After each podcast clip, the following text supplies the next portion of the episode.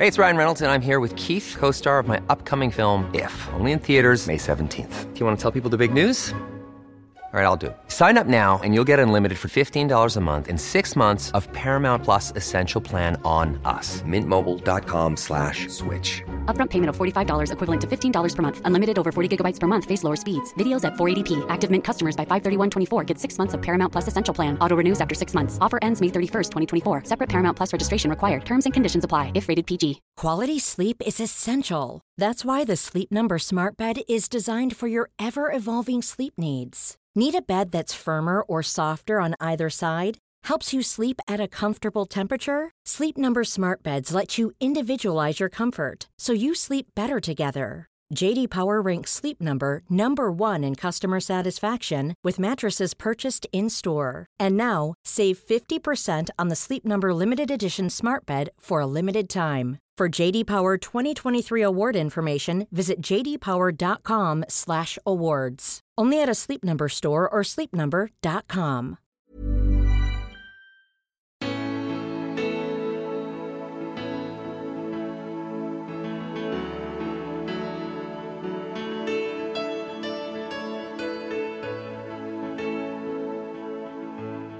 Som agent och manager så har han jobbat med några av de största svenska idrottsstjärnorna såsom Gunde Svan, Pernilla Wiberg, Ludmila Engquist och systrarna Kallur.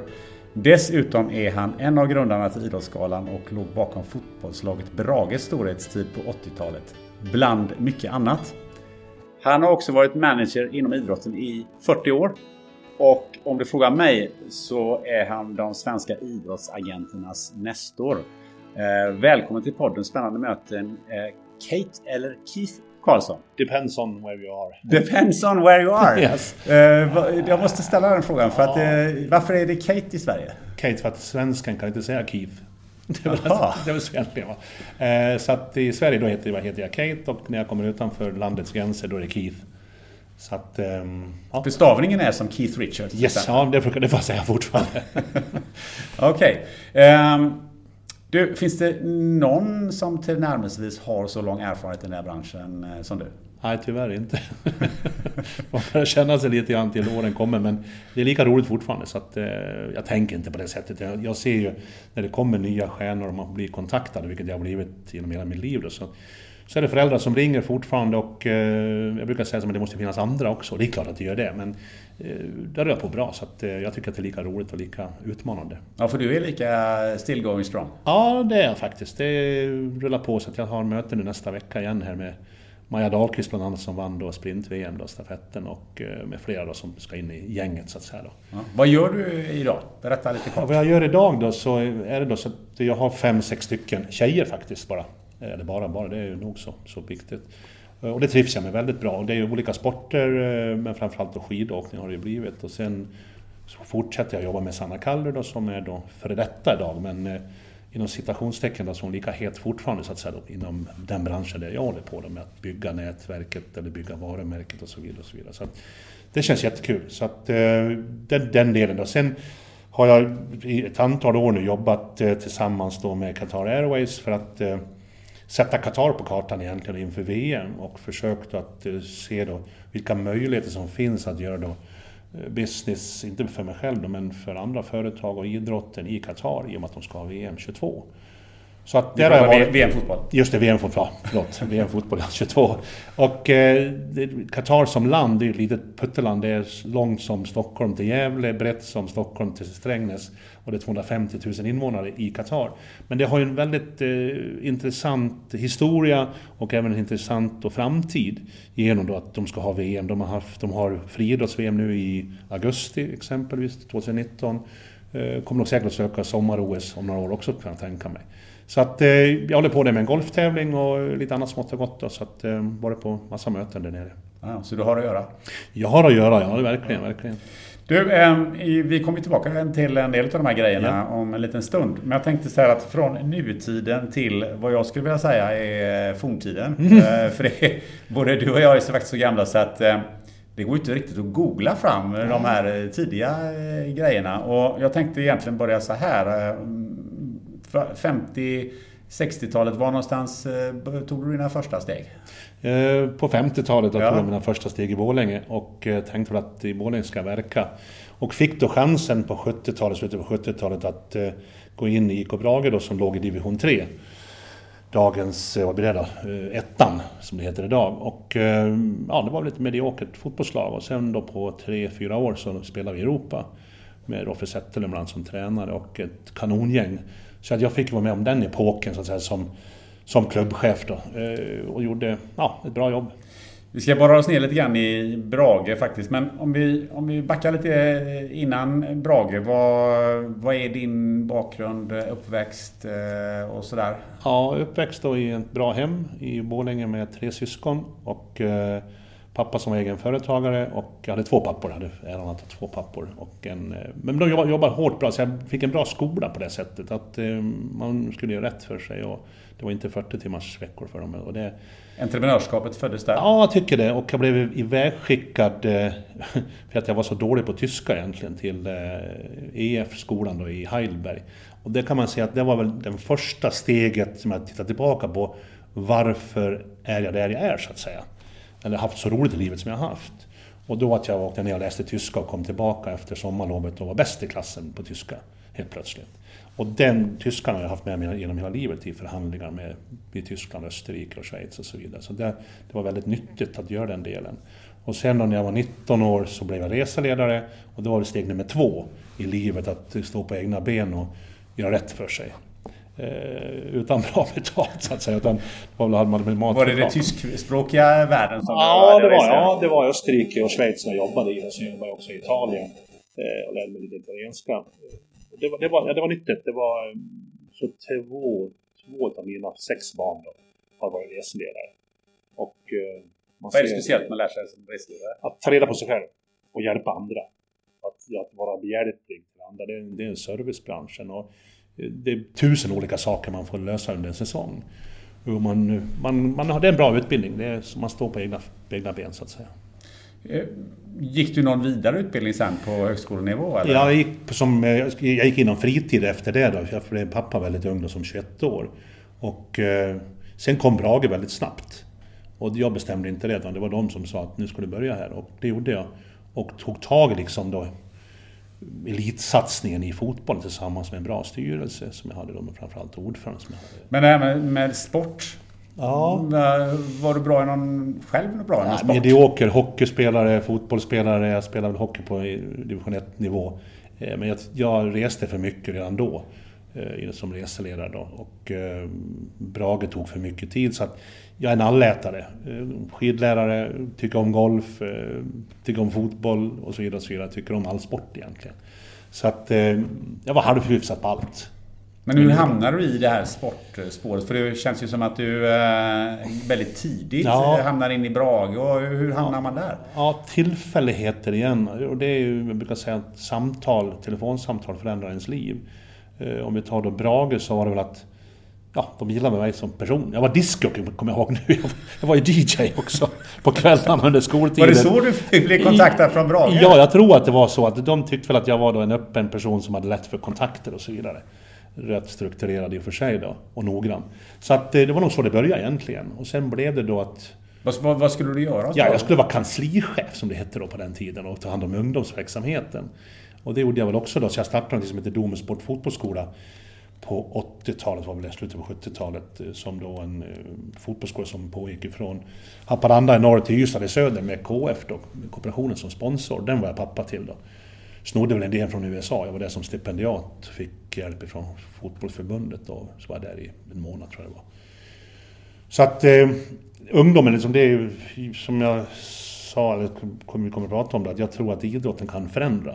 Och än mer idag kan den förändra både för tjejer och killar till ett bra samhälle. Det, det är det som har drivit mig mycket då, givetvis. Men eh, om vi tar Brage då. Vad, vad var det för klubb och vad är det för klubb idag? Ja, vad det var för klubb då, då så var det som sagt var en division 3-klubb, medioker klubb. De var ju på i Allsvenskan 1937. Det var liksom tiden innan. Och sen hade de en liten sväng 54. Och sen då kom vi då. Och då egentligen så, i och med att jag startade Domen Sport Fotbollsskola, fick vi ett namn. Och sen startade han som heter Dalecarlia Cup då, lite året efter Gothia Cup. Och den lever fortfarande. Och eh, klubben tjänar bra pengar på den och gör ett jätte, jättebra jobb med vad är det, 20 fotbollsplaner på, eh, i stan i Borlänge.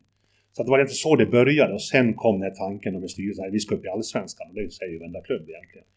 Och eh, har väl levt bra på den tiden då och sen har det varit en tynande tillvaro under många, många år. Till man då förra året gick upp i ettan, superettan igen. Och kommer femma tror jag de gjorde. Och satsar lite högre i år då, så att eh, de är på väg tillbaka. Men eh, det är som du säger att det är många som säger att ja. de vill till Allsvenskan. Men ni kom dit och ni ja. kom ju till och med ut i Europa. Vad, ja. vad var skillnaden? Ja, vi, vi säger så här att vi var väl en konstellation då på ett antal personer som var dedikerade. Det var ju inte 40 timmars arbetsvecka utan det var 60-70 timmar i veckan. Och man skulle göra allting. Vi fick in en bra tränare vid rätt tillfälle, han hade rätt material. Och det var ju masar egentligen då som han plockade från skogen i princip. Och han hade väl kanske 15-16 man då, Roffe Z, som han liksom gjorde om till Europaspelare. Bernt Ljung som stod i AIK sen och så vidare. Och så, vidare. så vi fick väl in ett par, tre landslagsspelare också. Och Roffe Zetterlund blev korrad till årets fotbollsspelare då som 38 år. Så det var mycket tur såklart som man måste ha. Fast är det inte så att man skapar tur? Jo, man skapar tur, som Stenmark säger. Ju mer man tränar, ju mer tur får man. Ju mer man jobbar, ju mer tur får man. Och det, så var det. Så var det. Det var en ganska eh, häftig hype runt eh, Brage. Det var ju liksom Brage i laget med Aha. Drage och, ja, och, även den här eh, Eh, Köppebevisan. Köppebevisan som var ju singeletta i Sverige och jag odlat till en hel månad. Och ja. jag kommer ihåg den själv. Det var, ju, det var ju faktiskt en musiklärare, Bengt Pegefelt, som, som åkte på turné med ja. ett antal elever i, i Sverige och, ja. och spelade. Och de var sponsrade av Sibylla. Just det. Var, var, du, hade du något finger med i ja, spelet? Vilket folk trodde då, liksom, att de ringde och gratulerade mig. Kate, vilken bra PR-cup. Jag hade ingenting med det att göra faktiskt. Inte ett dugg, utan det var bara... Eh, Borlänge är ju liksom Brageiter och ungdomarna, barnen då som är väl i 50-årsåldern idag. Det, det, var liksom Brage som, som, som eh, låg för dem så att säga. Så att eh, vi hade tur. Även där. Vi hade tur även där? Även där hade vi Mycket tur. tur. Varför åkte man ur sen? Jag slutade. Nej då. Eh, jag gjorde det i och för sig. Vi, vi hade väl två olika spår. Styrelsen hade ett spår, eh, att man inte skulle gå på den professionella vägen och jag sa att vi ska satsa på proffs. Vi, värvade två proffs från England som jag då ja, drev kanske för långt, men de var duktiga.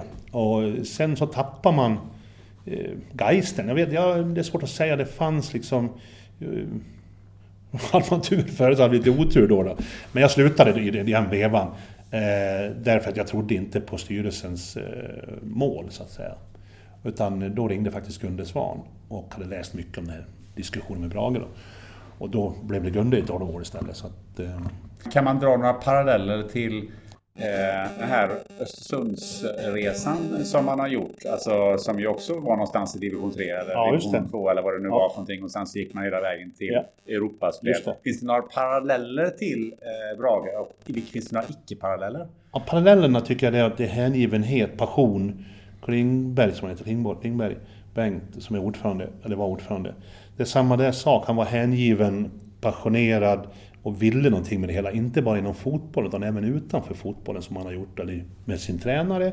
Bra timing. Vi hade Robert Zetterlund, de hade den här engelsmannen då. Och sen bra spelare.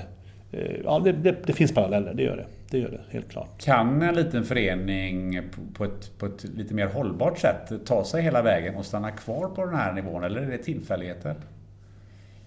Det känns som att eh, Östersund har ju, de ju gått bakåt. Ja, men ändå. De kom ju femma i fjol. Det tycker jag det är bra. Eh, kommer nog säkert tillbaka igen. Det, det kan jag tänka mig. Det är en lagom stor stad så att de får mycket stöttning där uppe. Men det är klart att det är svårt. Men man kan ju se Degerfors, Mjällby, jag har en son som spelar Åtvidaberg nu, som är 18 år i sommar nu. Eh, de här har ju mycket, det är en kulturell del utav det hela. Jag tror att man har svårt... Östersund, det är ju, det är ju väldigt bra gjort, för de har ingen kultur egentligen. Det var OP på den tiden. Men den, jag vet inte om de har slagit ihop de där föreningarna. Men du måste ha, ha historia för att kunna komma tillbaka, det tror jag. Det måste andas fotboll i byn där de kommer ifrån. Det finns ju en annan parallell mellan eh, Brage och eh, Östersund. Och det är ju att Östersund eh, egentligen var tre personer som, eh, som gjorde det här mm. tillsammans och kanske inte den vanliga föreningsvägen. Och du nämnde ju själv här att, eh, att eh, du hade också skilda åsikter jämfört med styrelsen. Eh, min fundering är lite grann, går det att eh, bygga en förening på lång sikt och så i de här kommersiella villkoren eh, och samtidigt jobba med den här traditionella föreningsdemokratin? Ja, det är bra, det är en bra fråga också. Jag, jag tror att det är väldigt svårt. Ska vi nå... Malmö FF är ett undantag egentligen, men jag tror att Malmö FF, de har kommit dit de kan nå egentligen idag. Med, I och med då 51%-regeln. Och jag tror liksom att det kommersiella... Det behövs så mycket mer pengar för att nå ända fram. Nu är Malmö FF fantastiskt duktiga, AIK är duktiga, alltså inte det. Under de förutsättningar som finns då. Men jag tror att eh, under rådande regler egentligen då, så har vi nog nått taket, det tror jag. Vad är 51%-regeln? Alltså du får inte vara, det måste vara föreningsägt 51%. Det får inte vara kommersiellt, alltså privatägt. Utan 49% är max du kan äga, du kan inte få majoriteten som privatperson. Som PSG eller vad nu det är så att säga. Där har du en stark man bakom. Och jag tror att om man ändrar det här så skulle det bli... Så skulle vi få in mycket mer pengar i svensk fotboll. Det tror jag. För man vågar inte satsa pengar i... Nej, idag eftersom du inte har majoritet. Du har inte majoritet. Du kan ju bli bortröstad. Du kan ju se åt hundra stycken komma från medlemsstocken och säga att nu röstar vi bort den och den. Då åker de ju bort. Så att eh, det, det borde bra och dåligt så att säga. Du har varit inne på det här med eh, olika kupper och turneringar mm. och eh, fotbollsskolor och så vidare som du har startat. Mm. Finns det här Domus Sports fotbollsskola, finns den kvar? Ja, den, den togs ju sedan upp av Svenska Fotbollförbundet så den, de driver den vidare. Så det, det är ju skoj. Och vi hade väl då, jag vet inte om det var 20 år eller 15 år vi drev den då. Eh, Brage och då division 1 norra eh, klubbarna. Sen då var det allsvenskan som var med och så vidare. Så att eh, den drivs vidare, ja. Men har vi lite andra organisationer. Active Life Foundation har du också varit med och startat? Påläst, ja. Ja, vad är det för någonting? Active Life startades när jag jobbade med Thomas Fogdö, skidåkare. Det är faktiskt 25 år sedan nästa år som det hände. 7 februari. Berätta lite vad som hände så att vi alla vet. Just det, Thomas Fogde då vann världskuppen året innan. Blev bäst i världen slalomåkare. Och eh, eh, kraschade upp i Åre. Han skulle ta sig från en pist till en annan och körde och ramlade på en stubbe som fanns i skogen dock. Skadade sin rygg så illa att han blev rullstolsburen. Och eh, då var ju, jag jobbade som rådgivare åt honom då och han var väl då 20, han var 25 år. Eh, vad gör vi nu? Och det var ju en ny situation som man inte då har någon utbildning på så att säga. Så jag var med honom första veckan på sjukhuset när han var medvetslös och sen började tankarna hur ska vi få honom på fötter igen så att säga. Och då blev det så att jag tillsammans, var Ulf Elving faktiskt på radion som frågade mig i en intervju, vad gör du nu då? Ja, jag startar en fond, sa jag, utan att tänka efter. Jag startar en stiftelse. Och det gjorde vi, som heter Active Life Foundation. Och eh, en kompis till mig, Ulf Nilsson i Bjälle, var, det, var med och hjälpte och skrev till statuterna och skrev då andemeningen med stiftelsen. Som jag hade jobbat med då med sport fotbollsskola, så det bra med vänner genom livet. Och eh, jag hade lite halvpanik faktiskt över vad, vad jag skulle kunna göra med Thomas. Eller tillsammans med Thomas. Och 25 år senare så ser vi att vi har gjort rätt. Han, eh, vi startade fonden då för att hjälpa andra idrottsmän, kvinnor, som skadar sig. Och vi har dragit, eller hjälpt då 500 idrottsmän och kvinnor som har skadat sig med rullstolar, operationer etc. etc. Hjälpt och till med finansiering på 5 miljoner det kostat ungefär. Och vi har väl då en 7-8 miljoner i kassan så vi kan hjälpa unga tjejer och killar. Är det den här typen av skador eller är det med vanliga idrottsskador? Kan, vanliga idrottsskador. Knä, operationer, eh, axlar, you name it. Utrustningar Sportrullstol kostar 25 000 kronor. En kille sist som vi hjälpte nu då, eh, Hempa heter han. Eh, en kompis nu som för tre år sedan miste både armar och ben i eh, sepsis heter sjukdomen, blodförgiftning. Och Oj. var nollhandikappare. Och han fick en golfbil av oss i oktober nu, så han kan börja spela golf igen med proteser. Så att det är mycket glädje man, man kan sprida med den här fonden och, eller stiftelsen. Så att eh, den lever ett bra liv. Och ja. Eh, Thomas lever också ett bra liv. Så det är Fantastiskt. Ja, det är fantastiskt. Och Thomas är fortfarande frontfigur för... Ja, han är fortfarande frontfigur, men vi avgick ur styrelsen förra året tror jag det var. Men vi är med och supportar givetvis. Så att... Och sen har du eh, varit med och petat i eh, Svenska Idrottsgalan också. Just det! Berätta den historien. Hur, ja. hur har det gått till? Ja, den är väldigt rolig. Eh, 98, nu kommer någon att säga att det var 99, men säg att det var 98, så började jag jag var på besök hos Pernilla Wiberg i Monaco och eh, och det här är faktiskt sanning. Vi skulle gå på någon fest. Ja, så det andra är inte sant? Ja, just det. Precis. Vad menar nej, men, du? Nej, men det här är skröna liksom. Folk säger så här, ja men så här var det och så vidare. Men så här, eh, upprinnelsen till Idrottsgalan, vi satt på hennes balkong och hon var väldigt vacker och den är vacker fortfarande. Eh, uppstudsad då och, eh, och jag sa men herregud så här vacker har ingen människa sett dig förut. Eh, för det är ofta hjälm på, snorig och skadad och gud vet allt vad det var. Och eh, jag sa det till henne, du jag måste åka hem och göra en idrottsgala. Så de får se som er idrottsmän i smoking, långklänningar och så vidare. Och inget mer snack om det. Sen åkte jag hem och jobbade i ett års tid. Träffade Bosse Gensel som var eh, sportchef på SVT, eh, Fyran, flera kanaler, produktionsbolag. Alla sa nej, det går inte. Varför sa de, varför sa de så? Nej, de såg väl inte då ljuset i tunneln. De, nej, det blir för svårt. Nu ska det få upp alla idrottsmän. Ja, men sen måndag, det är ju, då är det inga idrottstävlingar. Då kommer de ifrån idrotts-Sverige eh, då, eller idrottsvärlden. Och sen då så blev det av en, en eh, händelse, fick jag reda på att det skulle bli en, vara en världsskala nere i Wien. Eh, 99 måste det ha varit, eller 98. Så Peter Lundin, som sedermera då blev då eh, producent för programmet, åkte med mig ner, så jag fick två biljetter. Våra fruar kom inte ens in, därför att det var fullt. Det var på Wienerstadthalle i, Wien. Och då satt jag faktiskt bara raden bakom Muhammad Ali och Pelé. Oj. Och det var liksom... Hej, jag heter Kate. Men jag var, vi två var de enda civilians inne på den här lokalen. Och då sa Peter, nej, nu åker vi hem och gör en gala. Så 2000 gjorde vi första galan då.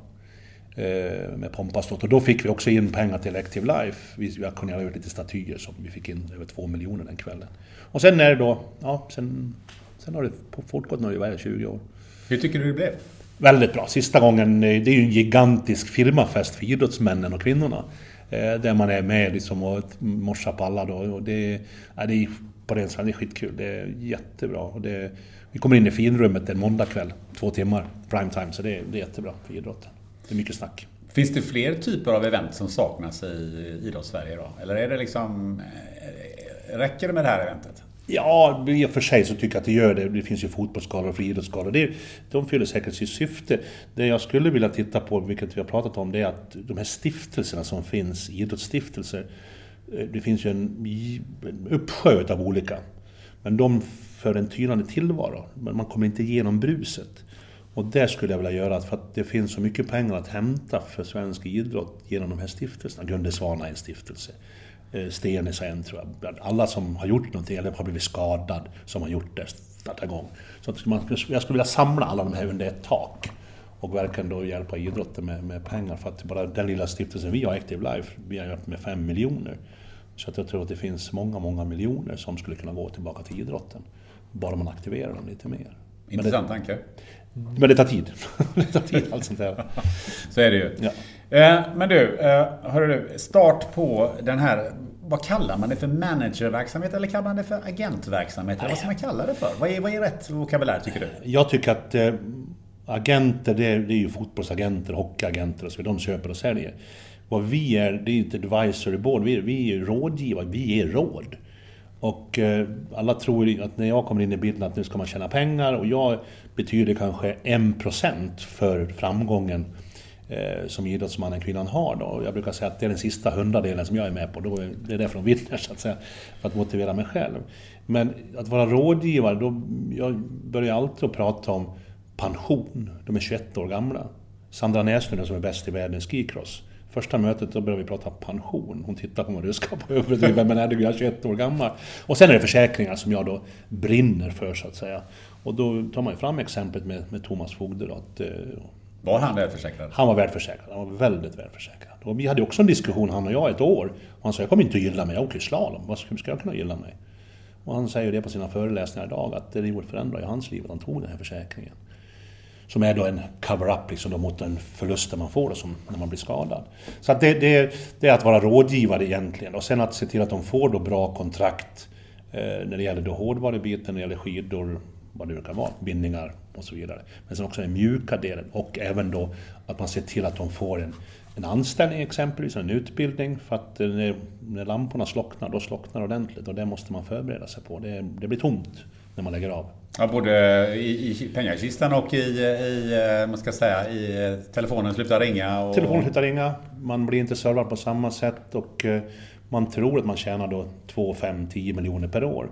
Och så går man tillbaka och blir snickare igen och tjänar då 35 000 i månaden eller 30 000 i månaden. Så det är en väldig skillnad.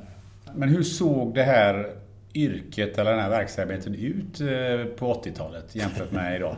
ja, nu vi cyklade, vi hade inga bilar. Nej, men jag, jag har inte märkt förändringen. Den stora förändringen i det här, det är ju mediabruset, sociala medier och allt det här. Man ska eh, nästan filma sig själv på fotbollsplanen som han, Bocelli gjorde här. Bol, bol, bol, ja, just det. Ja. Filma sig själv efter en mål. Han har väl en telefon liggande bakom målet. Eh, det kanske går lite för långt men, men det är det som, man ska också vara världsmästare på sociala medier. Man förväntar sig det. Hur många likes har du? Och så vidare. Och det är nästan som att man får lov att lära idrottsmännen då att nyttja, eller inte utnyttja, men nyttja den här eh, delen. Då. Man, man, måste, man måste vara med. Hur såg det ut på 80-talet? För fanns det många som hade rådgivare på den tiden? Den, den, min förebild som jag jobbade tillsammans med var ju Björn Wangsson som hade då Ingmar Stenmark, Börje Salming. Han var ju den första advokaten, idrottsadvokaten på den tiden.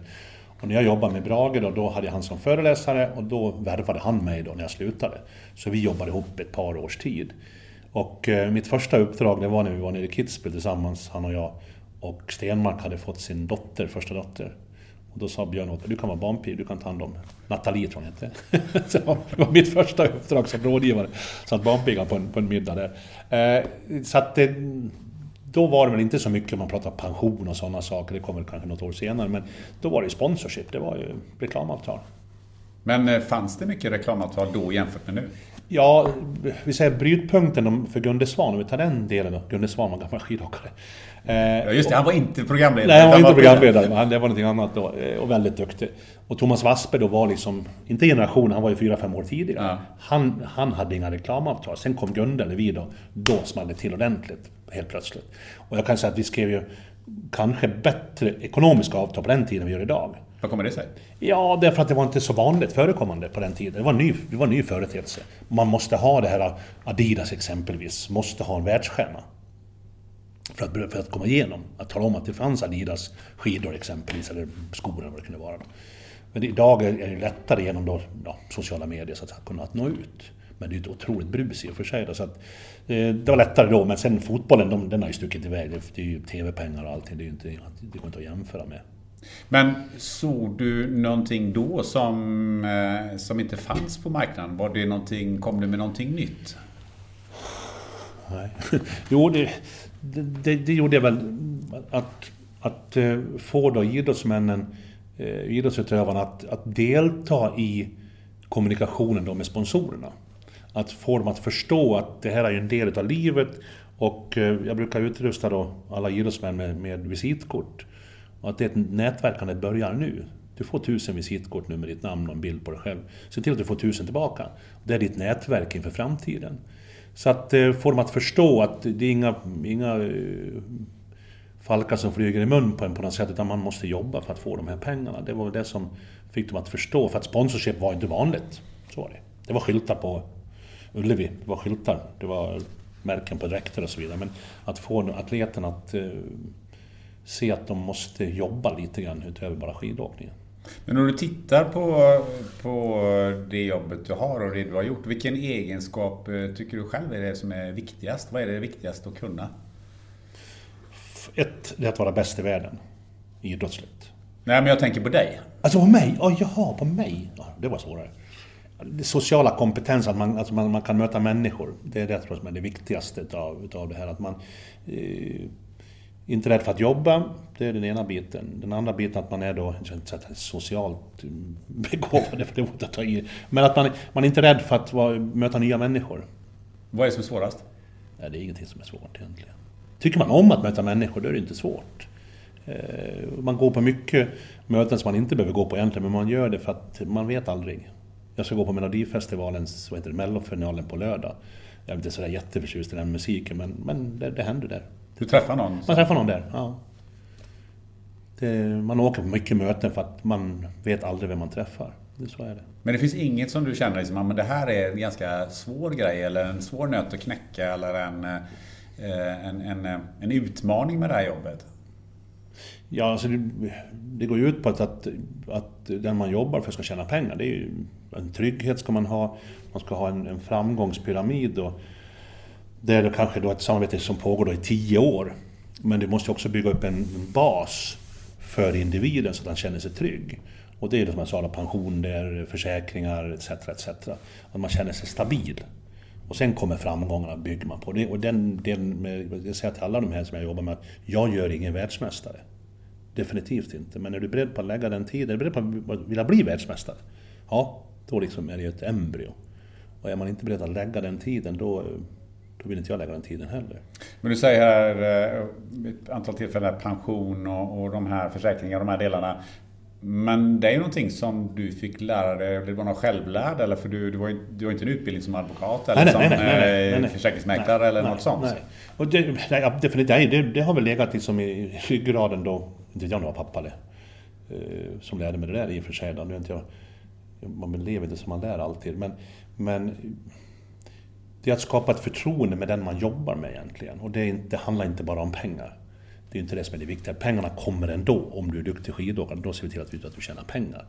Det, det ser jag i alla fall till att du gör, eller eh, idrottsutövaren gör. Så att, så att jag, jag ser inte någonting svårighet där. Det är tiden, det, är, det tar en massa tid. Det är mycket dödtid. Man, eh, man springer tomt ofta. Vad, är, vad består dödtiden då?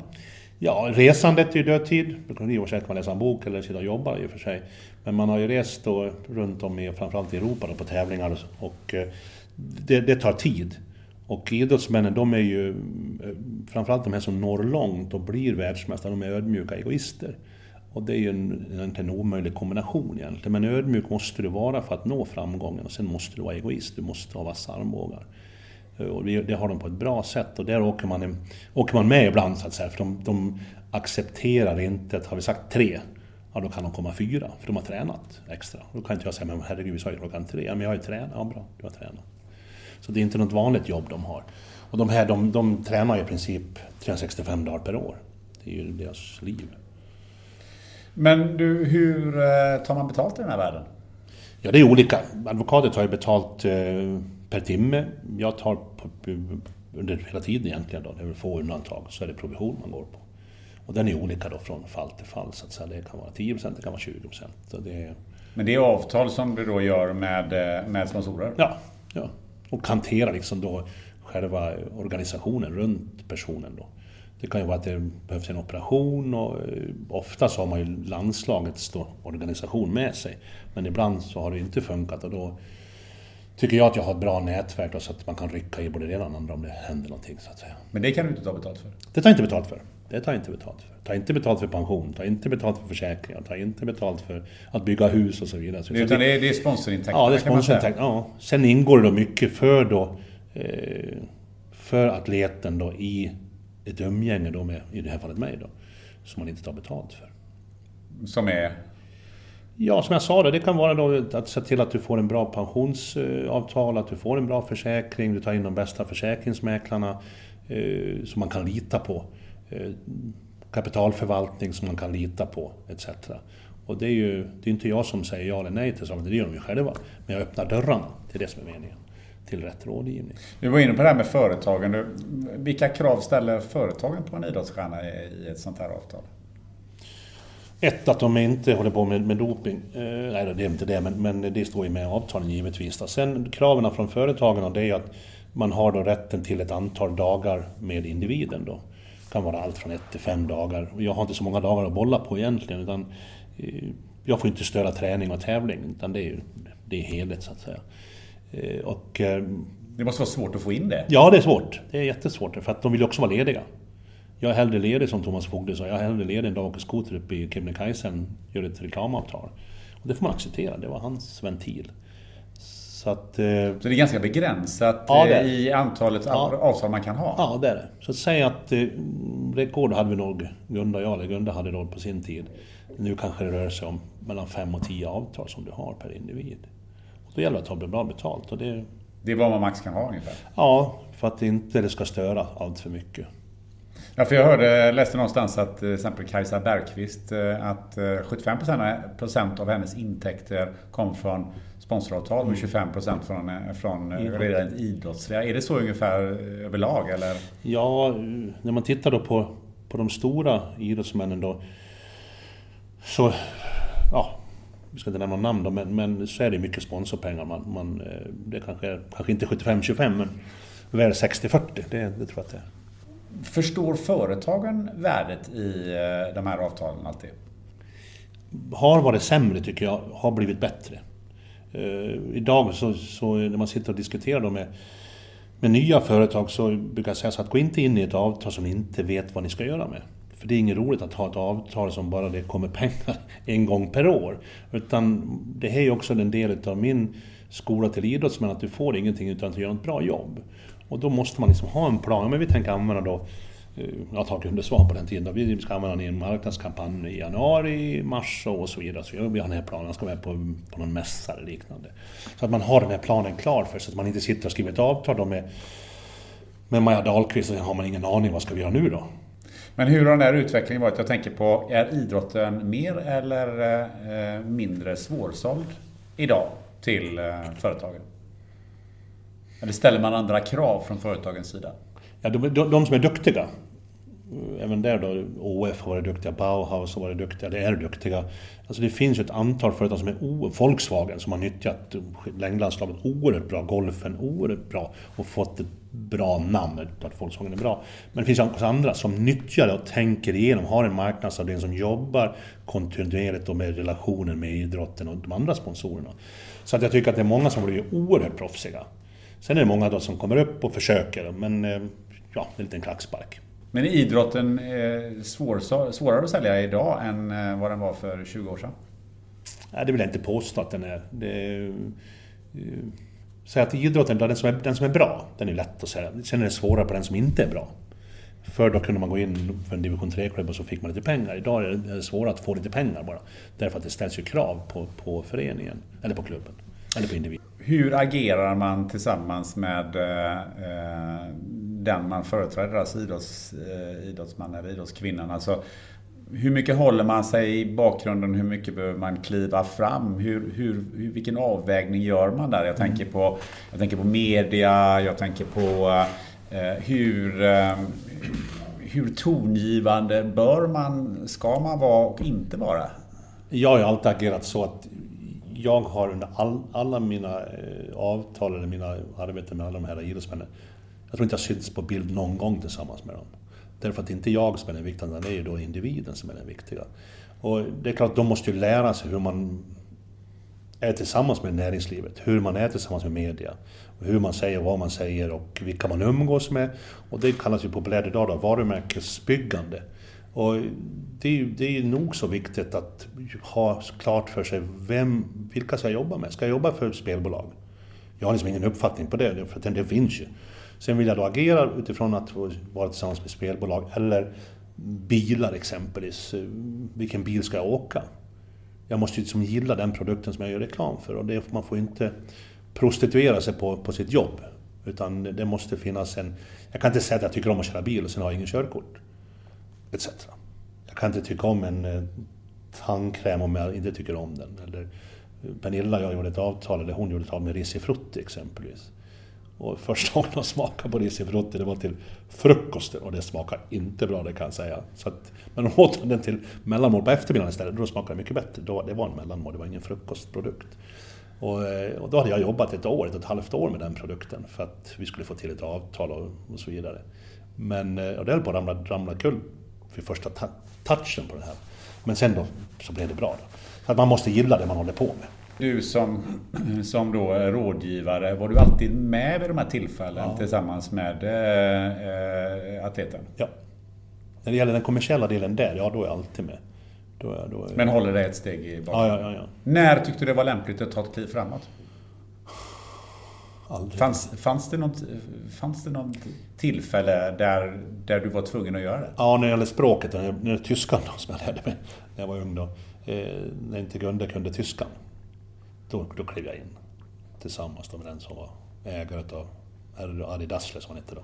Då fick man vara med och hjälpa till. Och sen, eh, men när det gäller media så har jag ju aldrig tror jag, gått in liksom och styrt upp på något sätt, utan de är så pass kloka eh, själva. Så att, eh, men kan det inte vara ibland att eh, det blir ett väldigt hårt mediatryck? Och, och, det är svårt för dem att säga nej, eller det är svårt att komma undan och göra det som de faktiskt måste göra, träna ja. eller så. Ja, Har du gått in och styrt upp lite grann då? Det är någon gång jag styrt upp ordentligt, det var när Thomas Fogde gjorde illa sig. när en journalist försökte komma in då utklädd till eh, läkare. Då. Va? Ja. Menar du det? Hur gick det där till? ja, det var på, på lasarettet i Umeå då, som en då ville komma in. Och vi fick stoppa det så att säga. Så han var utklädd? Han hade vit rock, han tog en vit rock. Så att, Men du avslöjade honom? ja, det tog, om det var jag, jag kommer inte ihåg om det var jag eller... Men det blev stopp i alla fall, han kom inte in. Så att det, det är väl sådana saker, mer etik och moral. Eh, Sen, eh, det är klart att det har ju hårdnat till också med media för att eh, det är ju många som vill vara med och bevaka med, med poddar och gud allt vad det är så att säga. Så att... Nej men de, de är duktiga, de eh, lär sig. Men annars, hur nära levde du dina atleter? På daglig basis? Ja, Gunde och Pernilla på den tiden så var det daglig, det var daglig basis i princip. Nu ljuger jag inte för mycket. Utan det var väldigt intensivt var det. Sen, och då var det Gunde, Pernilla, sen blev det då Thomas, Kadan, eh, Ludmilla sen. Eh, sen då blir det också, förbunden har ju blivit mer professionella så de är ju ute och reser mycket med förbunden och blir omhändertagna där. Och då har de egen pressbevakning eller pressfolk med sig, de har egna tränare, fysio och, och Och då kunde du kliva lite? då, då behöver man inte vara med mer. Då, det klarar de själva. Nu är det dags för ett litet reklaminslag i, i, den, i podden som Ja. nu är ehm, från Gröna Gårdar som är sponsrar den här eh, podden. Eh, och eh, jag tänkte bara fråga dig så här. ehm, jag antar att du äter kött? Ja, Känner du till styckdetaljerna nötrulle, bogstek och bringa? jag har hört talas om de har gjort. Så, så, så. Men du vet inte riktigt vad du skulle göra med dem om du skulle, om du skulle handla dem. Så att, eh, men här kommer då ett eh, litet inslag och lite förklaring kring de här delikatesserna från Gröna Gårdars VD Märta Jansdotter.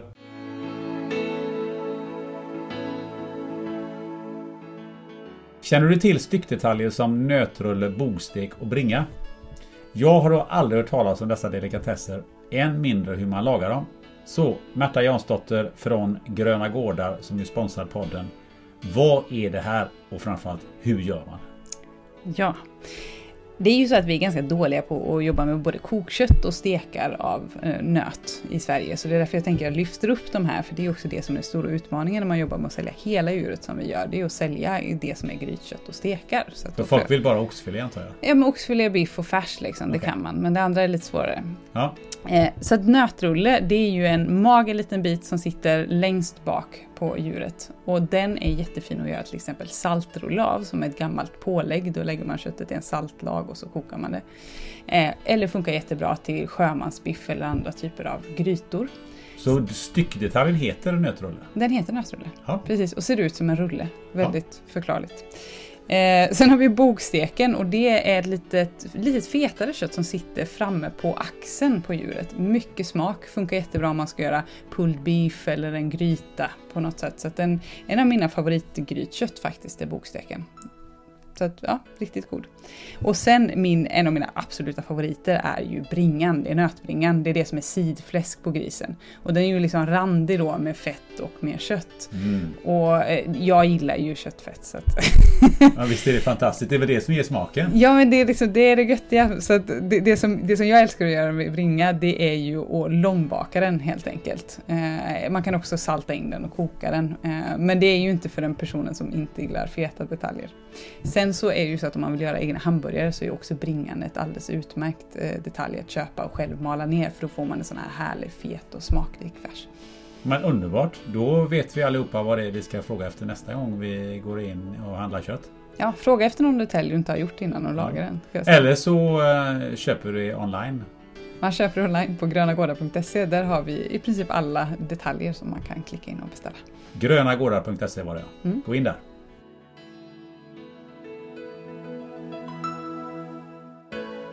Så, eh, nu vet du vad du ska handla nästa gång och hur du ska hantera de här delikatesserna. Absolut. Underbart. Eh, Jag tänkte att vi går in på de här lite olika eh, kända atleterna som du har jobbat med. Och Gunde Svan har du ju nämnt några gånger här.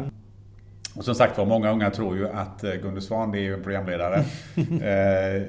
han var ju faktiskt en av Sveriges bästa längdåkare. Hur bra var Gunde egentligen?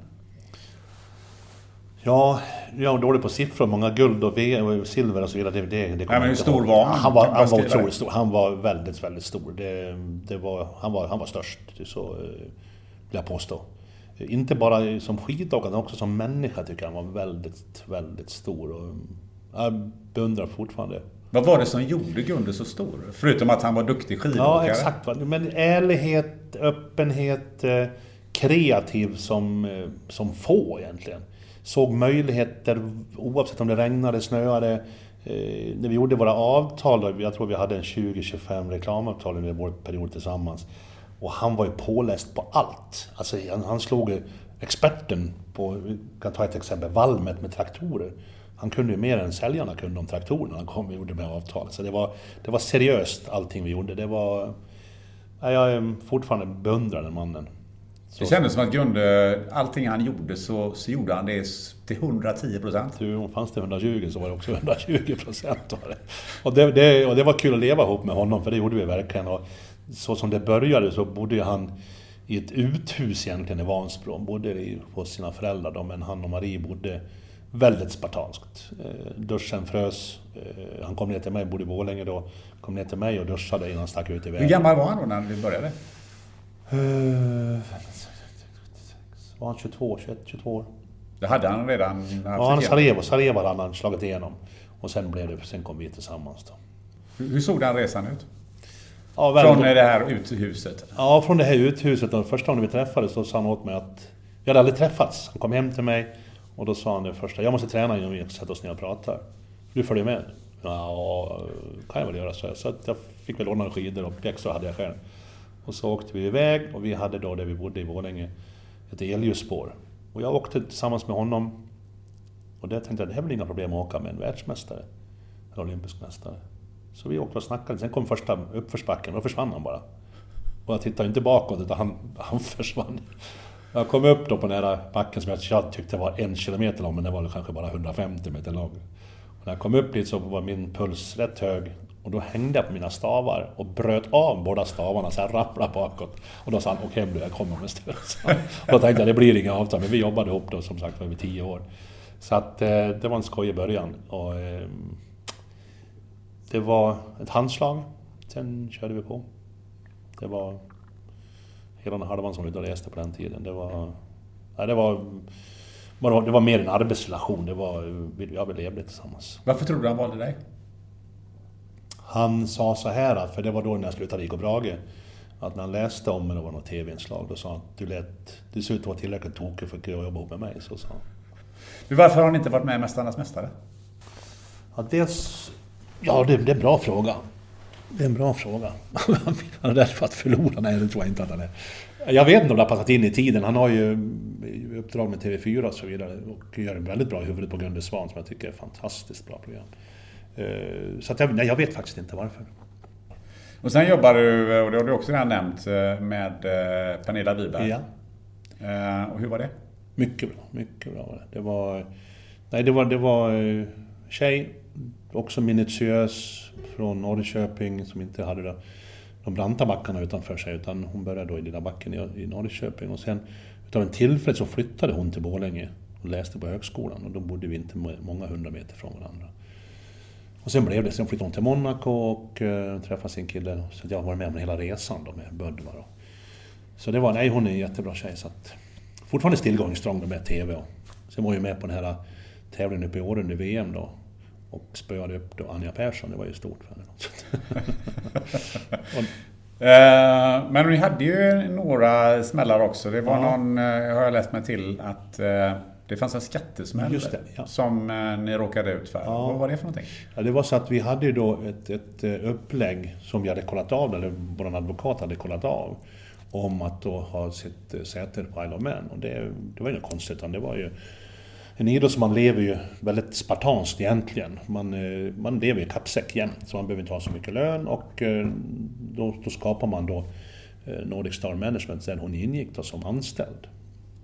Och eh, det funkade. Det var så att skattemyndigheterna tolkade på olika sätt inom olika områden i Sverige. Så bodde man i Sundsvall så var det inga problem, men bodde man i Stockholm, vilket då Pernilla var skriven i, då accepterade man inte det här upplägget. Då. Och det var, inget, det var inget skattefusk på något sätt, utan hon hade sin lön utan kunde spara för framtiden. Då, men hon åkte på en skattesmäll, tyvärr, och det var ju väldigt tråkigt. Var det. Men det var kreatörer inom, inom finansbranschen som tog fram det och vi trodde på det. Så det var ingenting som var så onödigt att tjäna pengar på. Utan... Det verkar som att eh, både, eh, både du och Pillan var ganska överens om att eh, det här var någon grej som hände som egentligen inget av er hade någon kunde råda över. Nej, det kunde vi inte. Vi, vi trodde på för det var ju skatteexperter med i den här diskussionen. Och jag, jag har ju sagt att det jag kan, det kan jag. Det, det jag inte kan tar man råd. Och det vi tog råd utav de här personerna, de garanterade att det var vattentätt så att säga. Och jag menar, hon hade ju ingen anledning att försöka fuska på något sätt. Utan det, det kan ju vem som helst lysa igenom i så fall. Så det fanns inte det. På, hon hade också då flyttat till Monaco så det var ju inga konstigheter egentligen. Utan det var bara, ja, det blev fel. Tyvärr. Om man läser en del tidningsartiklar eh, från den tiden ja. så, så, så, får man uppfattningen om att eh, efter det så, så låg du lågt när det gäller den här typen av eh, engagemang? Eller är det någonting som man har hittat på? Nej, engagemang om du menar då med... Med, med olika idrotts... Nej. Med olika atleter? Ja, nej, det, det, det stämmer inte. Utan jag fortsatte jobba då. Pernilla, hon har då 2003. Thomas jobbade vidare med och sen hade jag Ludmilla efter det. Nej, så jag jobbade nog på. Sen, sen blev det då runt 00 så blev det en golfanläggning då vid Benäs som gick in då med hull och hår. Så att, eh, då hade jag, ja, Sanna Kallur kom ju och Jenny Kallur hade jag då under den tiden. Så det var nog bara tillfället i så fall att det blev en svacka. Jag tänkte på det innan vi kommer in på uh, Ludmilla där. Um, Charlotte Kalla har du jobbat med också. Mm, åtta år. Och jag läste någonstans i något citat från kvällspressen. Det stod så att Charlotte Kalla gör som förra alpinstjärnan Pernilla Wiberg. Hyr omstridd managern Keith Karlsson för att hålla reda på finanser och sponsorer i framtiden. Var det någon sorts tidningsbild som han gav dig att du var omstridd eller var kom det därifrån tror du? Jag tror att det var, alltså omstridd, just den delen, den rubriksättningen, det var väl den här skattedelen. Och sen är det ju så att min roll, det är ju att ta hand om individen.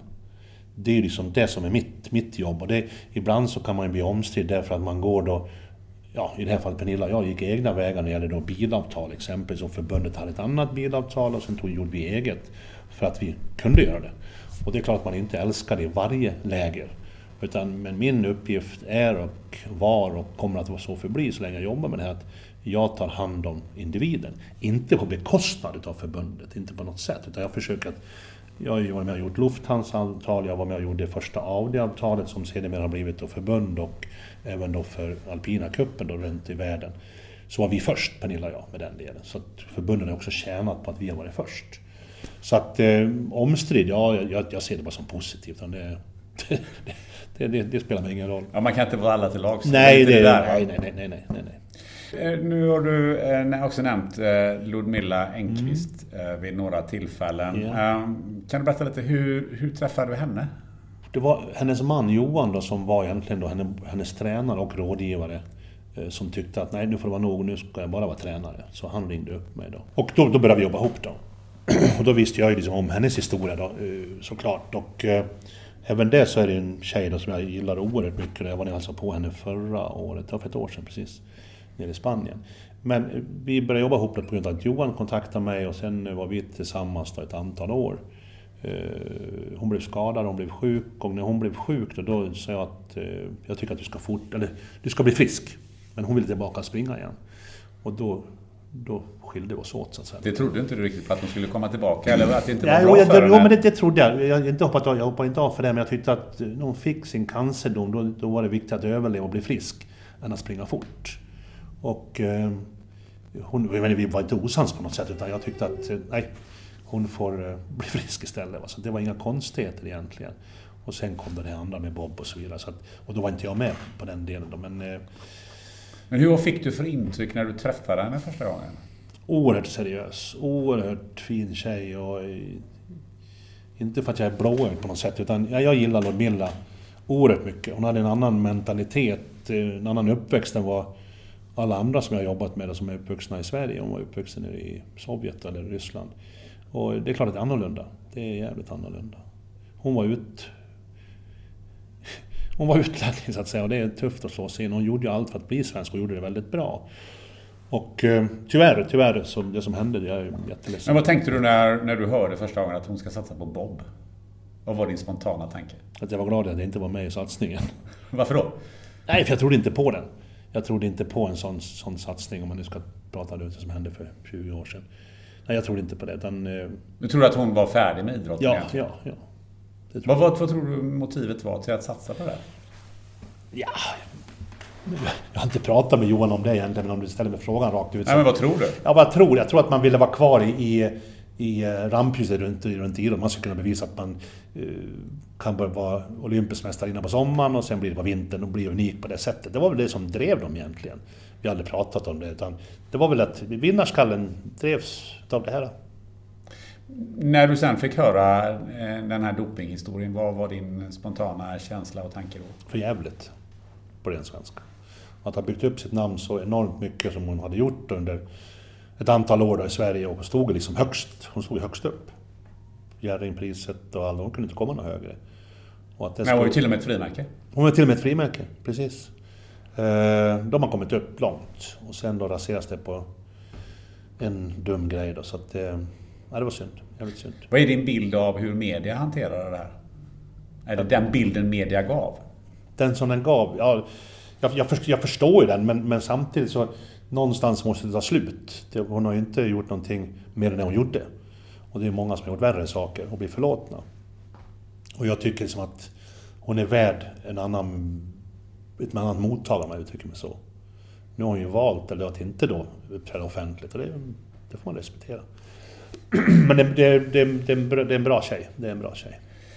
Men jag funderar just på det här eh, kring hennes eh, make, för han eh, utpekas ju i eh, de här sammanhangen lite den som har drivit Ludmilla eh, till det här. Jag tror att det fanns till och med såna här eh, rubriker som dockmålare som drar i trådarna och, och lite sådana här. Att han utmålas för att ha lanserat hustruns varumärke med, med järnhand. Ehm, jag har lite fundering eh, kring det. För det, det känns som att det finns en del saker i det här som på något sätt utgår från de stereotyper som vi har i, i, i samhället. Alltså, men hon, hon, hon, kom, hon var utlänning och hon var kvinna. Och därmed så skulle hon på något sätt också vara underlägsen att, att, att någon annan har drivit henne till detta. Eller sådär. Vad, vad, är, vad är din reflektion till det? Eh, Alltså är det inte det lite grann att det, det finns något inbyggt i, i hur vi resonerar när, vi, när, vi, eh, när den här typen av rubriker kommer upp? Ja, alltså man, man har lätt för att döma andra eh, ohörd så att säga. Och eh, vad fan vet de som skrev om det här? Vad som hände? Jag såg aldrig den tendensen när jag umgicks med dem och jag umgicks med dem väldigt mycket att, han, att det var någon, någon form av marionettfigur. Nej, utan jag menar, hon, jag menar, hon var en väldigt viljestark person. Hon visste exakt vad hon gjorde och inte gjorde. Och Johan, nej, den, den, den mansbilden har inte jag av honom. Nej, men jag tänker att det kanske är en bild som, eh, som vi har som är några av våra stereotyper. Det är ju samma sak det här med att hon var inte, från, hon var inte svenska. Ja, ja, absolut. Vi dömde henne väldigt hårt. Vi dömde henne väldigt hårt, eller vi men media dömde henne väldigt hårt för att hon var ut... Inte från Sverige. Hade hon blivit lika hårt dömd om hon hade varit född och uppvuxen i Sverige? Nej, definitivt inte. Man slog henne väldigt hårt därför att hon inte var härifrån. Man, jag tror att journalisterna var lurade, de kände sig lurade. Därför slog de tillbaka på det här sättet. Fan, här har vi med och hyllat henne så in i helsike och sen gör hon så här mot oss ungefär. Och... ehm, nej, hon var kvinna och sen var hon, var hon inte från Sverige. Det är extra hårt. Hade det varit en man från, från Sverige, och det har vi exempel på, som har dopat sig och inte blivit närmelsevis lika illa behandlade. Har man sagt och förlåt, har varit med på Mästarnas Mästare, etc. etc. Så det var mycket lättare att vända henne ryggen. Ja, definitivt. Definitivt. Och det var ju inte bara journalisterna. Nej, det var många andra också som gjorde det. Och idag vill man ta henne tillbaka, men då vill man också göra en journalistisk grej på den, den grejen. Då. Men hon har ju valt att inte ge dem chansen överhuvudtaget. Och det, det tycker jag att jag respekterar. Men jag skulle vilja... För jag gillar henne så bra för att jag skulle vilja att eh, alla skulle se henne som jag ser henne. Det, det, För även idrotts-Sverige dömde också ja, väldigt, väldigt hårt. hårt. Ja, ja, väldigt hårt. Väldigt hårt. Om vi säger så här då. Eh, vad tror du hade hänt om hon hade stannat kvar? I Sverige? Kunde hon stanna kvar i Sverige? Ja, det är klart man kan. Men, men jag ska inte uttala mig om, om deras val och så vidare på något sätt. Men de... Nej, det är mer en känsla av vad du skulle... Ja, alltså, men, menar, de var ju i Spanien väldigt ofta. Och jag menar, Spanien är ju jätteskönt. Det är ju det är varmare än här så att säga.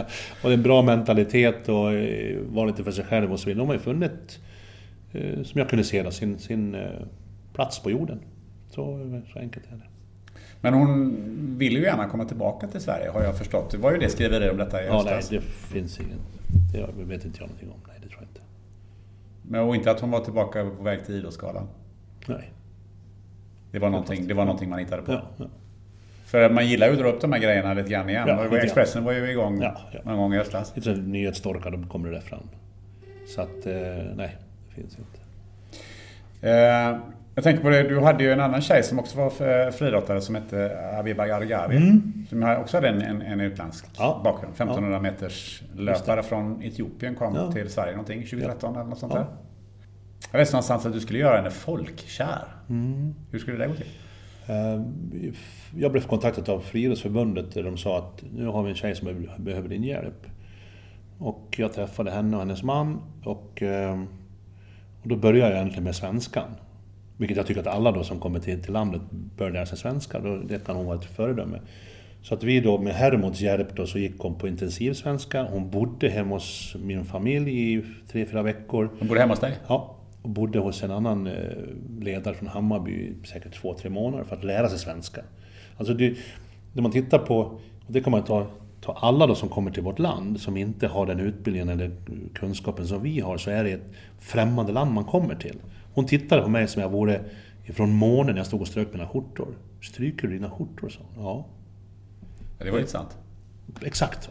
Eh, alltså totalt oförberedd hur vi beter oss i ett svenskt hem. Så hon var ju som stora syster till mina eh, två flickor då, och min grabb. Han bodde också hemma då. Så att det var tre barn som hon blev stora syster till. Så att de gjorde läxorna tillsammans, försökte lära sig svenskan genom att prata med barnen. Och det var så främmande hur vi jobbar.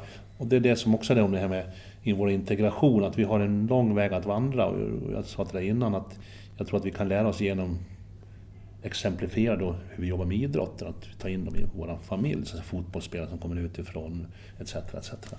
Eh, och hon var ett exempel på som jag då ville hjälpa in, därför att hon var duktig som idrottsman, kvinna. Väldigt duktig, seriös.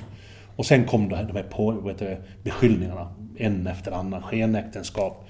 Och eh, hur man gifter sig av västeuropeiskt motto då, att man är kär. Ja, det är så gör vi. Men hur gör man i Etiopien? Vi har ingen aning om det. Gör man det för att man ska få större hemman, som det heter då, större gård? Kan vara ett exempel. Inte utav kärlek. Eh, kan vara ekonomiska villkor. Det kan vara för att jag vill komma till Sverige och så vidare. Men vi har så lätt att döma även där. Och sen när det gäller då eh, skatterna som då blev något konstigt då. Det var ju samma sak där att, och det kan jag berätta för första gången nu att hon hade ju ingen aning om. Springer man i Abu Dhabi och tjänar 400 000 kronor, varför ska Sverige ta skatt på det för? Den utbildningen hade ju inte hon. Och ingen som har talat om för henne heller. Utan hon skickar ju pengar till sina föräldrar. För att hjälpa dem som är fattigt. Det är ju så många som gör så, lever utomlands och skickar in pengar. Så att eh, vi fick en... Hon blev då eh, upptaxerad. Jag kommer inte ihåg hur mycket pengar, det var det ointressant. Men det var mycket pengar i alla fall.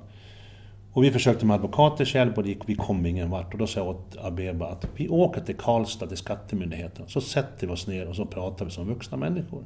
Ja, jättebra så. Så vi åkte ner och vi blev väldigt väl bemötta i Karlstad av två personer, en man och en kvinna. Och vi fikade tillsammans och sa, ja men nu kör vi igång. Jag tror att det var 26 sidor som det här var på varje lopp. De hade stenkoll på allt. Allting stämde. Och så efter en timme då hade de kommit ett stycke på väg så här. Då sa jag till dem så här, nu kanske ni förstår problemet. Nej, hon förstår inte våra skattelagar. Vi har hållit på med en timme, ett stycke. Nu kommer vi hålla på i flera veckor för att komma igenom de här sidorna. Nu förstår hon att hon inte förstår. Och det gick igenom så att det blev då reducerat. Klart reducerat. För att vi har inte förmedlat hur det går till i Sverige. Och det här har vi då 160 000 invandrare för ett par år sedan. Som inte har en aning om vårt skattesystem, inte har en aning om hur det går till. Utan man då kallar det för att man nyttjar systemet. Ja, det är klart för att de är okunniga. Man har inte våran kunskap. Och det där med Abeba då som blev beskylld, och även från idrottskvinnor och män då, att det var bara fejkbröllop och så vidare. Vad, vad har de för vetskap om det? Bara uttrycker sig om saker och ting som de tror att det är. Förutfattade meningar. Det går också väldigt fort, säkert när det är en person som kommer, inte från Sverige. Visst, visst. Som inte förstår någonting. Eller förstår det de kan inte språket. Och då är det så lätt gjort att hugga på den direkt så att säga. Och det är det jag tycker liksom att hold your horses, utan ta reda på fakta istället. Och försök att hjälpa personen istället. För att men, hon har ju kunnat fortsätta springa. Och för oss, hon var stolt svenska. Men vad hände? Ja, det hände hon lite småskadad och sen har hon flyttat hem och gift sig då och fått barn i Etiopien. Och nu har vi inte någon kontakt med dem, men att vi skickade någon hälsning ibland och så vidare.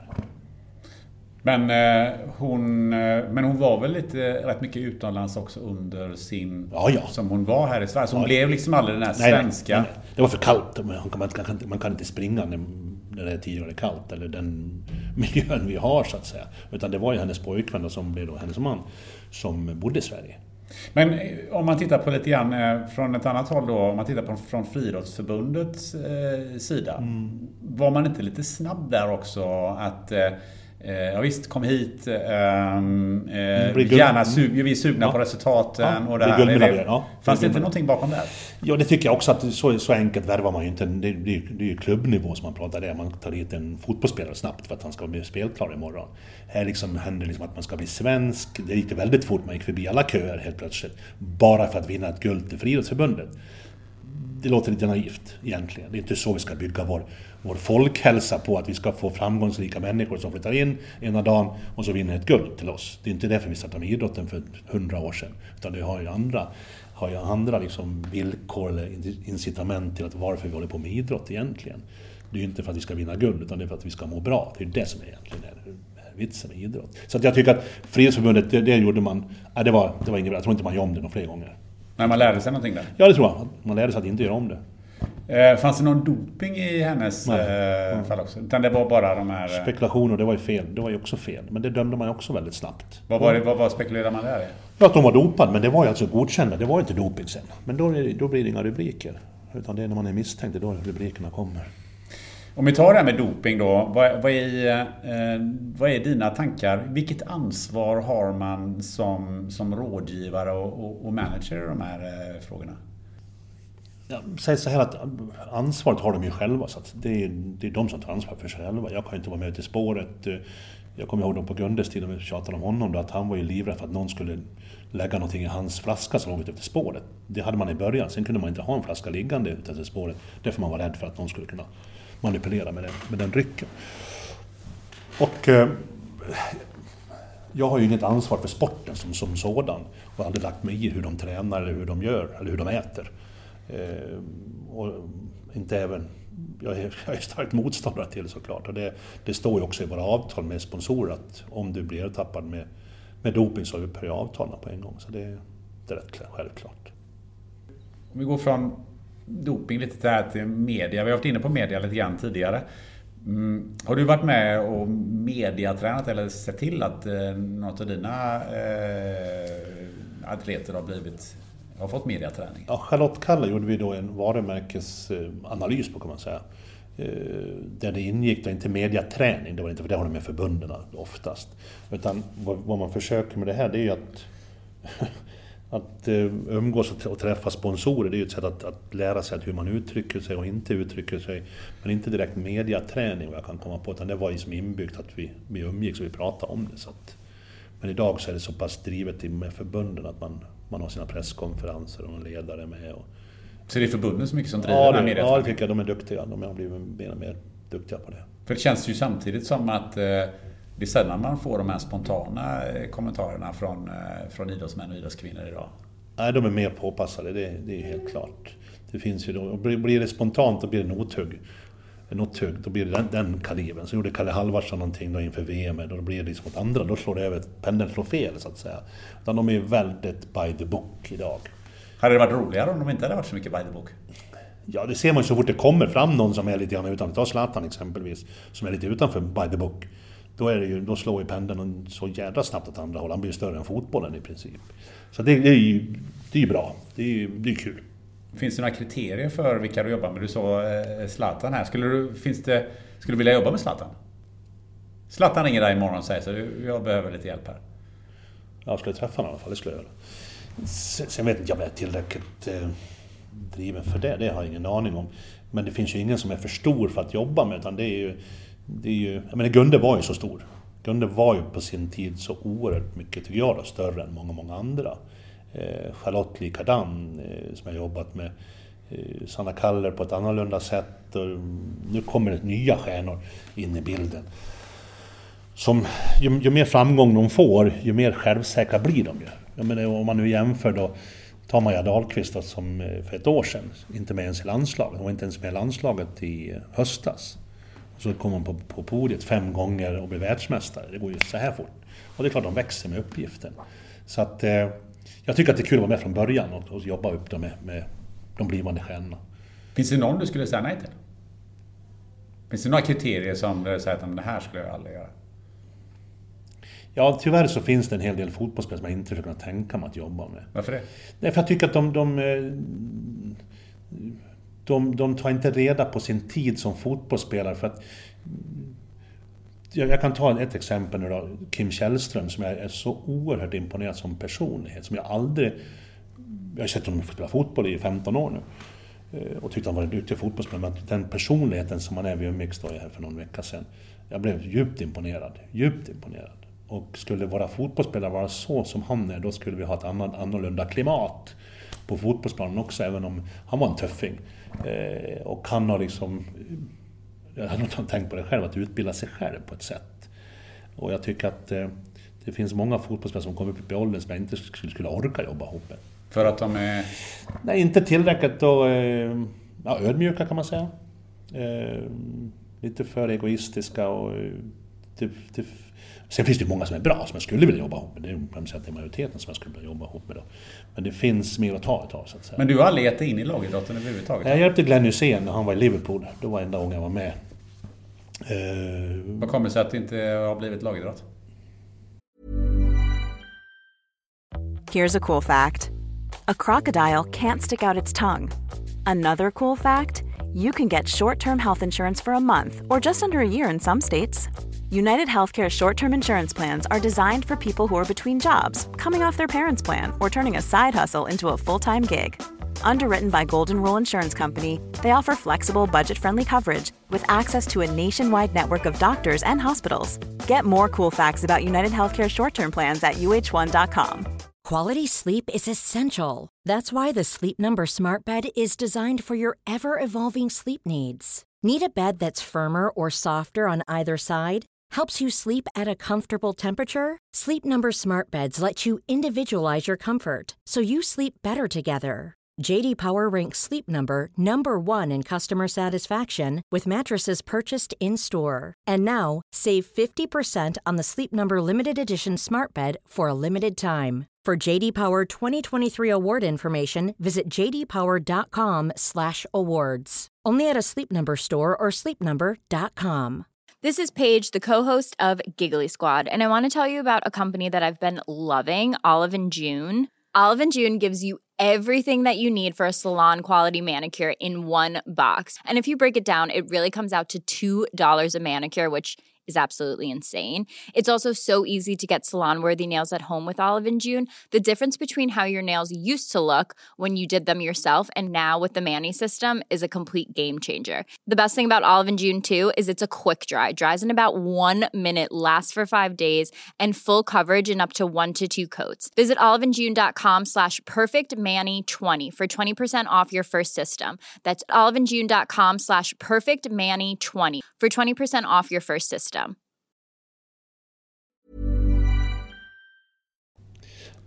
Ja, det, det säga att det har någonting med fotbollen att göra. Det, det är det här med, med handeln. Alltså, jag har haft liksom någonting förutfattade meningar som vi pratade om. Eh, men jag, jag, har inte gillat det här med att sälja, sälja spelare till höger och vänster. Bästa budet. Eh, jag brukar säga så här, om, om, man spelar i Liverpool, varför stannar man inte i Liverpool livet ut? Måste man gå till Real Madrid? Eller, du förstår vad jag menar? Ja. Varför är man inte nöjd med den delen? Om du tjänar 15 miljoner, vad du tjänar, måste du tjäna 17. Om du trivs i Liverpool. Och då är det en agent som driver då att flytta på det. Flytta och tjäna mer pengar, det får han tjäna mer pengar. Utan ser liksom, trivs du bra? Kriterier, tio kriterier. Trivs du bra? Trivs frun bra? Har du bra skola till barnen? Ja, det har, allting är skitbra. Och det är inte grönare i Madrid än i Liverpool. Och det är liksom det som jag har liksom emot fotbollen då. Det lilla jag har nu emot fotbollen så är det just det med Ja, för du har ju lite rötterna i fotbollen. Ja, det har verkligen. Det varit ganska ja, naturligt ja, för dig att vara ja, agent inom ja, ja, ja, Absolut. Och jag ångrar mig att jag gav mig därifrån om man ska titta i backspegeln lite grann. Så att det hade varit kul att vara kvar. Och eh, jag brinner ju för fotboll, men jag tycker att den delen är lite... Att eh, som 30-35-åring söka ytterligare en utmaning fotbollsmässigt, absolut, men söka pengarna även efter 10 år som professionell. Det förvånar mig. Om vi tittar lite eh, framåt här. Ehm, vilka utmaningar tror du eh, dagens och kanske framtidens atleter möter utanför sin vanliga idrott som du har hjälpt dem med? Vad, vad tror du? Vilka utmaningar tror du de har framför sig? Vad är, vad är den, den, största, den största utmaningen som jag tror att de har, och det, det, spelar ingen roll vem du än har nämnt i programmet nu, så är det, så är det alltså tiden efter karriären. Det är den största utmaningen. Och det har blivit större med, med tiden? Ja, det är för att det, från att vara då relativt och bra i fotboll eller vilken sport den är, och sen helt plötsligt lägga av. Eh, Rickardsson då, eh, Daniel Rickardsson ska lägga av, det trodde han, är 36 år gammal. Och när man läser mellan raderna så han ser ju inte fram emot det så väldigt mycket, det, det ser man ju direkt. Man är inte smårädd för det. Utan kunna förbereda sig för tiden efter. Läs, alltså studera medan du... Football is not enough var en italiensk uh, proffsspelare, Juventus. Och han läste, han var klar nu på högskolan, han var civilekonom tror jag han var i Italien. Och vunnit ligan fem gånger med Juventus. Han hade studerat samtidigt. Och då, då, då tog han upp då, football is not enough. Och det tror jag är den stora utmaningen därför att vi, vi, det är ju det är sådana pengar idag som de tjänar. Och sen när de lägger av så tror de att livet ser ut som det gjorde för tio år sedan. Flytta tillbaka till Täby eller var de nu bodde någonstans. Så det, det är inte alls lika. Alla har flyttat därifrån, inga kompisar kvar. Utan odlar det här kompisarna, eh, vännerna, eh, ekonomin framför allt. Alltså det, det är en, en riktig smäll att sluta. För den typen av, av jobb som, som du har utfört och, och så här, slåss man mer och tidigare om eh, talangerna för att eh, jobba med dem eller hur, hur funkar det? I fotbollen är det ju, slåss ja. man ju om talangerna redan ja. som 12-åringar. Ja, jag har en son nu som spelar Åtvidaberg och jag menar, de samtal man får ibland då blir man ju mörkrädd så att säga. Att han behöver hjälp och så vidare. Nej, han behöver hjälp av någon som kan prata sunt förnuft, så att säga, tycker jag då. Eh, och framförallt så är skolan viktigast. Så att eh, om du pratar med mig om det så jag, jag har ju aldrig ringt, vad jag kommer ihåg, i alla fall ringt någon atlet och sagt att jag vill jobba med det. Utan det, jag har ju blivit tips, de har blivit tipsade egentligen och oftast är det föräldrar som hör av sig. Så att jag har en duktig tjej eller en duktig kille, vad ska vi göra och så vidare. Så att då, det kan jag gå in och ge råd och sen om de vill jobba med mig eller inte, det bestämmer de ju själva.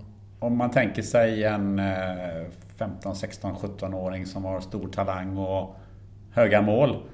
Eh, vad skulle du ge för råd till den här personen? Och då menar jag inte idrottsliga råd utan de här andra råden. Vad, är det, vad tycker du är det viktigaste att tänka på? Oftast är det ju då föräldrarna som är med. Och eh, för det första så skulle jag inte börja jobba ihop med en person som är under 18 år. Det är det, det, är det första. Ja men säg att det är en 18 år. Ja men 18 år, ja. Och då, om de är tidigare då, kommer upp till 18, att de ska leka färdigt, alltså ha så kul du kan. För det är därför du håller på med skidåkning exempelvis. Det är inte för att som 18-åring, du ska tjäna pengar. Utan det är för att man tycker att det är kul. Och behålla alltså den här glädjen i det du gör. Sen när du kommer upp på det är inte så att jag kan, om du nu är då femma i Sverige exempel, så jag gör ju inte dem till bäst i Sverige. Utan det är när de blir då bäst i Sverige, det är då man börjar fundera lite grann, vi måste nog ha lite hjälp, hur gör vi nu? Och det är då jag kommer in, och vad jag brukar säga att när de slår igenom och blir så pass duktiga och jag kommer in i bilden, då förändras, då förändras deras liv. De tror att jag sätter krav, jag sätter inte några krav överhuvudtaget. Det enda jag vill ha reda på, vill du bli bäst i världen? Ja, bra, då ska jag hjälpas åt. För att det finns ingen anledning att ha en rådgivare på individuella idrotter om du inte är bäst. Det finns inga pengar att tjäna på om du inte är bäst. Så det är så, den spetsen ja, är så Ja, det är alltså oerhört... Alltså, man, man lär ju känna varandra under tiden de byggs upp till att bli bäst, eller vilja bli bäst i världen. Sen att du, att du inte blir det, det är en annan sak. Men du måste ha viljan att bli bäst i världen för att kunna då leva på din sport. Det är en väldig skillnad på att vinna och komma tvåa. Väldigt stor skillnad. Mm. Därför att om man nu pratar då pengar där jag kommer in då, eller ekonomisk stöttning och så vidare. Så att, ja, du måste på världsmästerskapsnivå så att säga. Annars är det ingen idé. Man behöver ingen rådgivare. Man behöver ingen rådgivare. Ja, man kan väl ta rådgivare som ger råd, liksom vad man ska tänka på. Men det kan ju, brukar säga mamma och pappa också ge, ge råd. Och sen tycker jag att man ska ha då någon med sig som, som kan ge då råd utanför familjen. Vad man, vad man bör göra för att bli bäst i världen. För att mamma och pappa räcker, räcker till en viss del så att säga. Du, eh, nu är den här intervjun som sagt var nästan slut.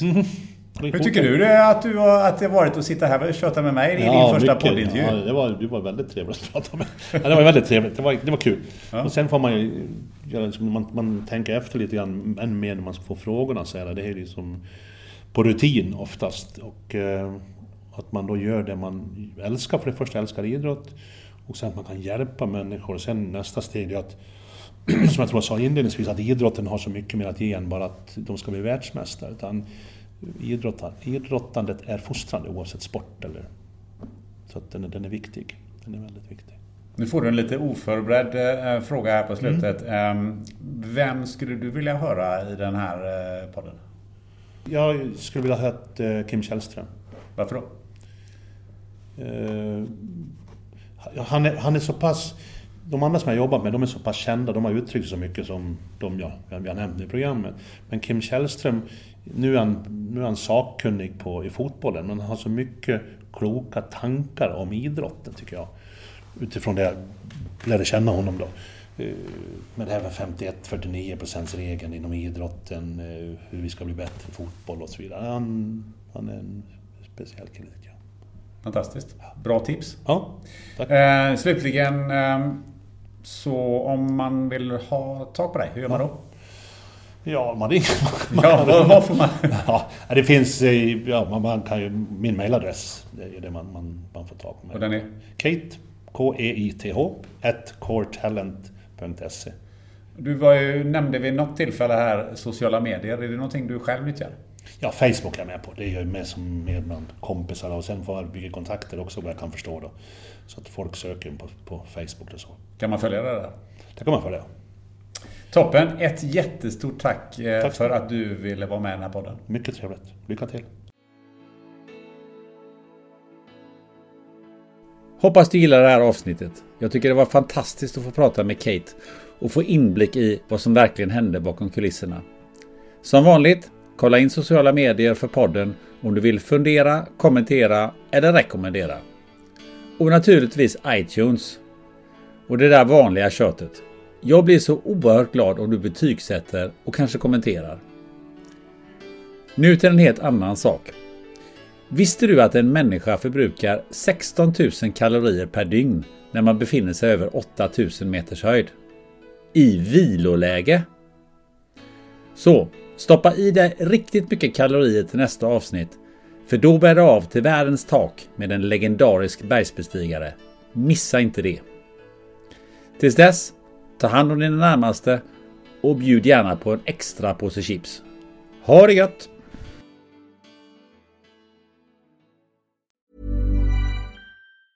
Hi, I'm Daniel, founder of Pretty Litter. Did you know cats tend to hide symptoms of sickness and pain? I learned this the hard way after losing my cat, Gingy. So I created Pretty Litter, a health monitoring litter that helps detect early signs of illness by changing colors, saving you money and potentially your cat's life. Pretty Litter is veterinarian developed, and it's the easiest way to keep tabs on your fur baby's health right at home. Go to prettylitter.com and use code ACAST for 20% off your first order and a free cat toy. Terms and conditions apply. See site for details. Ever catch yourself eating the same flavorless dinner three days in a row?